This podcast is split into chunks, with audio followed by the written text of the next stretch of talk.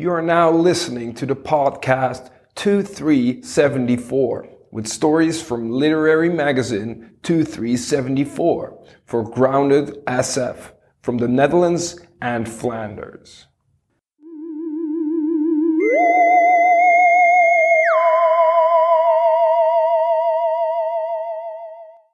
Catching Dogs with Dogs, a story by Rob van Essen. In the aftermath of a vicious flu epidemic that has wiped out much of the population, the survivors struggle to restore some semblance of an order to society. Monuments for the dead are sprouting up all over the city, and surprisingly enough, it seems that the only ones immune to the virus were the elderly, now the most hated demographic group. As the government prepares to return from its self imposed exile, the streets have been taken over by growling stray dogs. This afternoon, I went to Johanna to help her with the dogs. I took a little detour along the Martin Luther King Park because I was curious how high the monument to the flu victims had gotten. I could hear the hammering before I'd even reached the park. It sounded like the shipyards must have sounded in the past. The monument started out as a few bouquets and wooden crosses around the largest mass grave, but it has since grown into a wooden tower extending in all directions. All kinds of people are out there working on it, each one with their own memorial to add. There's been a lot of bickering over it, and in the meantime, the thing just grows higher and higher. It's now poking out over the treetops. They've even got scaffolding around it now, I noticed. Hanging on the wood are cards, photos, and faded bouquets. And in the black sand covering the mass grave, Grass is sprouting up here and there. An old man was looking on. They have no idea what they're doing, he said. That thing is going to collapse if it keeps up. He told me that he had helped fill the graves himself. There was something triumphant in his voice. I'm struck by the fact that so many elderly people have taken up this conceited tone. They act like it's to their own personal credit that they are immune to the flu. Implicitly, what they're really saying is that the younger generations are a bunch of pansies who let themselves be caught off guard. A lot of people are still absolutely convinced that the epidemic was started deliberately in order to decimate the world's population. But naturally, this begs the question why the hell would any world government or extraterrestrial invaders want a planet populated predominantly by people over 60? But the conspiracy theorists have an answer for that one too. The fact that the old people haven't gotten the virus is undeniable proof that their theories are correct. By intentionally sparing only those who can no longer reproduce, the viral attack can still effectively wipe out all of humankind without bringing down everyone at once. After all, somebody's got to bury the dead. As I stood there watching, part of the monument caved in. See, what did I tell you? The old man said. They're just doing whatever. They don't have a plan. No one seemed particularly bothered by the collapse. They pulled out a groaning person out of the rubble, along with a few seemingly lifeless bodies. And the hammering continued. It's all completely useless, but the sound of all those hammers is invigorating, as if we're building something that might actually help us. The old man looked at me and asked, How did you survive it? You can't have a conversation with anyone anymore without this question suddenly popping up. And I admit, it's one I ask myself all the time. As someone under 60, there's really only one right answer I can give. Evidently, I was in a reasonably good shape, and beyond that, I was just lucky. But that's not what they want to hear. They want specific information that can be useful in the event of another epidemic. Lemons, I usually say, three times a day. It's true, actually. All four of us did. The kids ate them with honey. It only worked for me. Ah, lemons, they say, nodding thoughtfully. But this time I didn't answer.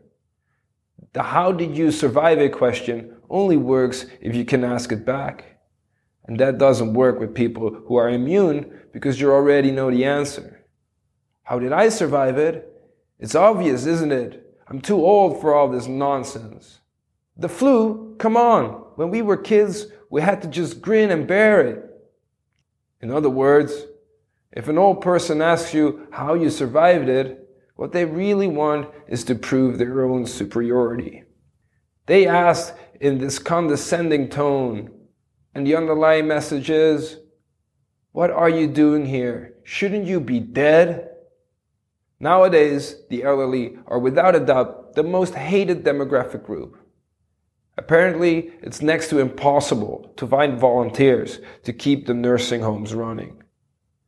We're the new Moroccans, I heard an old man say on the news, after which the reporter promptly hit him in the face with the microphone.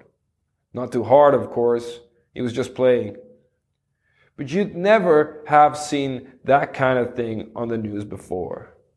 Every now and then you hear stories about old people getting beat up. Naturally, that's taking things too far. But their self satisfaction is so insufferable that, yeah, they get slapped around a bit the other thing that's on the rise is the suicide rate among survivors. But no, not among the elderly. You'd almost think they were having the time of their lives, that their immunity makes up for their pariah status. If you follow the news, you can't help but notice that all the virologists have survived too. They always look insecure, which isn't all that surprising since they've been attacked from all sides for not sufficiently scaring the shit out of us. There will undoubtedly be committees appointed to investigate what went wrong. But first, the government will have to return from its self imposed exile. The day before yesterday, they almost did. A plane full of politicians was supposed to land at Schiphol Airport.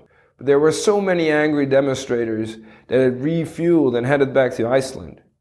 It was probably a bit of naive for them to announce the return. What did they expect? Flowers? A marching band? I can see it already. In the coming weeks, the government plane will try to land at Schiphol every single day, only to be sent back again and again. It'll become this nice running gag something to open the news every night. I left the park. The monument builder's hammering still ringing in my ears. I walked to the Uiterwaardenstraat, where Johanna ran her daycare center for pets. She's opening more and more branches these days, all of which are, like this one, informer children's daycare centers. We just don't need that much childcare anymore. Each branch takes in dogs that have been found roaming the streets or in abandoned apartments. People who find themselves alone due to the recent events and in urgent need of a pet can come take their pick. Last week, I asked Johanna if she wasn't afraid that people would take advantage of her work. After all, she offers a simple solution for anyone who wants to get rid of their dog. All they have to do is toss it out on the street, and her employees will take care of the rest. So what? she said. Does everything have to be perfect? She's right. You've got to start somewhere. Sometimes I think it's a shame that she takes care of the strays. I dream about growling packs of dogs roaming the streets in a city where no one dares to go outside. Whenever I visit her at work, I see the men and women staring in the windows. They must have been parents who used to drop their kids off here every day before work. Zombies, Johanna calls them. But they aren't really. They do show emotions, Some of them peer inside in bewilderment, as if we used some kind of dark magic to turn the children's into dogs. Others have this pleading look, imploring us to break the spell. My kids went to a different daycare center. I don't walk down this street anymore.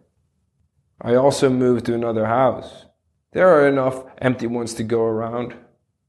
Sometimes I wonder why I haven't left the city. Apparently, I still want to stick around in the neighborhood, just in case. But there's no way, so it's really not that rational.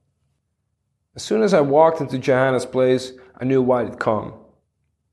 There was life here. That rich, exhilarating smell of the will to eat and procreate. Here there was no sorrow, no reflection.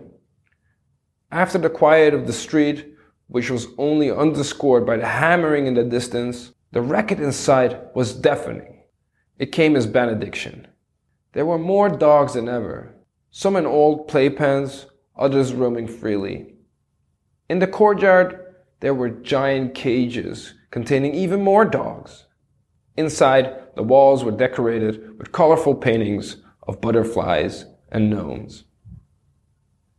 Johanna greeted me with a nod.